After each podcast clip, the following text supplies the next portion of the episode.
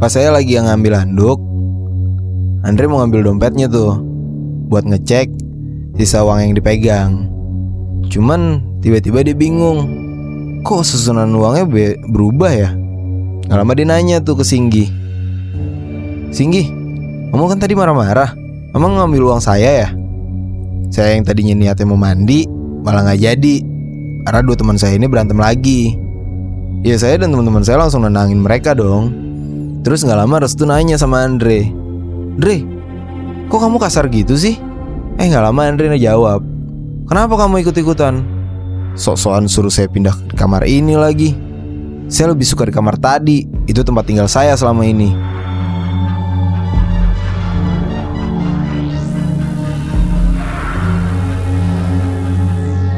Terus saya dan teman-teman saya tambah kaget dong. Yang gak lama Restu ngajak saya keluar kamar dan bilang, eh hati-hati, itu bukan Andre, tapi yang lain. Sekarang kamu mandi aja dulu Gi. Gak lama saya selesai mandi, Andre tiba-tiba keluar kamar terus lari. Cuma dicegat sama Restu dan kejar oleh teman-teman saya yang lain juga. Nggak lama Andre diberhentiin di depan kamar teman saya yang lain namanya Angel.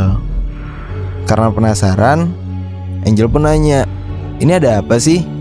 Pas dilihat, Andre langsung ke arah dia dan mau mencekiknya.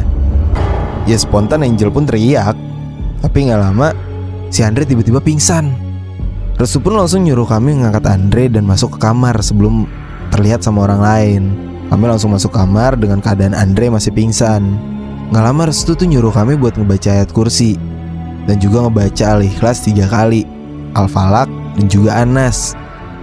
Dilanjutin Al-Fatihah dan juga istighfar. Ya nggak lama Andre bangun dari pingsannya dan alhamdulillah udah nggak ngaco lagi ngomongnya. Ya kami langsung mandi semuanya dan sholat isya bareng-bareng.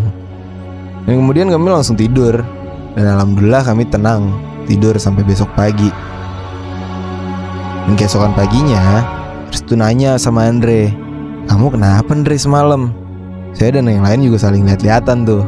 Karena kita juga bingung. Terus Andre jawab, nggak tahu tuh kenapa. Perasaan punggungku berat banget.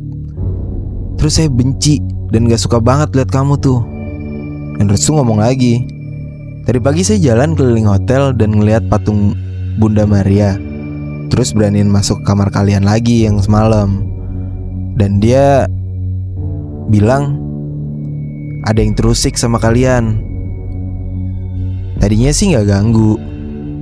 Tapi siapa yang semprot wangian? Dia marah pas lagi itu.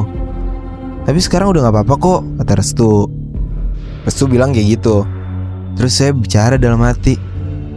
Padahal semalam saya lihatnya itu patungnya Dewi Kuan In. Terus kenapa pagi-pagi patungnya jadi Bunda Maria ya?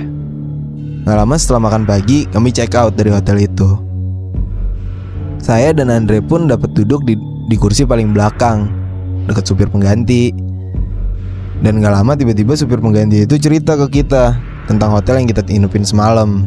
Kata si bapak, dia ngeliat anak kecil lari ke kamar 413 Terus bapak langsung ngomong sama resepsionis katanya Saya lihat ada anak kecil masuk ke kamar ujung tanpa buka pintu Itu siapa ya?